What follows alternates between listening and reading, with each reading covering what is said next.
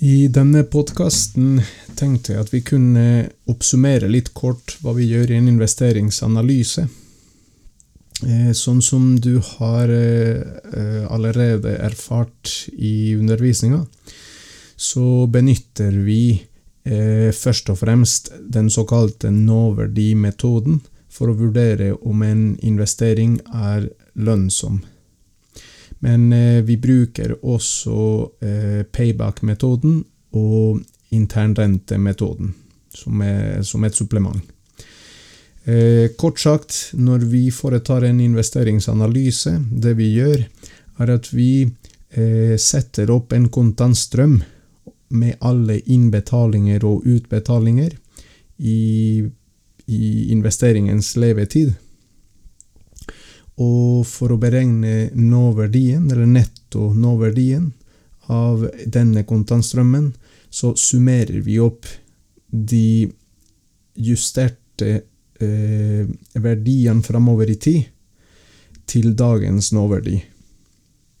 Og hvis summen av disse her er positiv, altså større enn null, da er investeringen per definisjon lønnsom etter nåverdimetoden.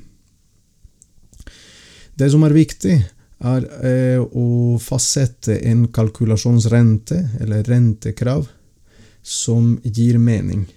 Og dette er ofte noe som, eh, som, du som bedriftsleder eller styret i bedriften din må ta stilling til.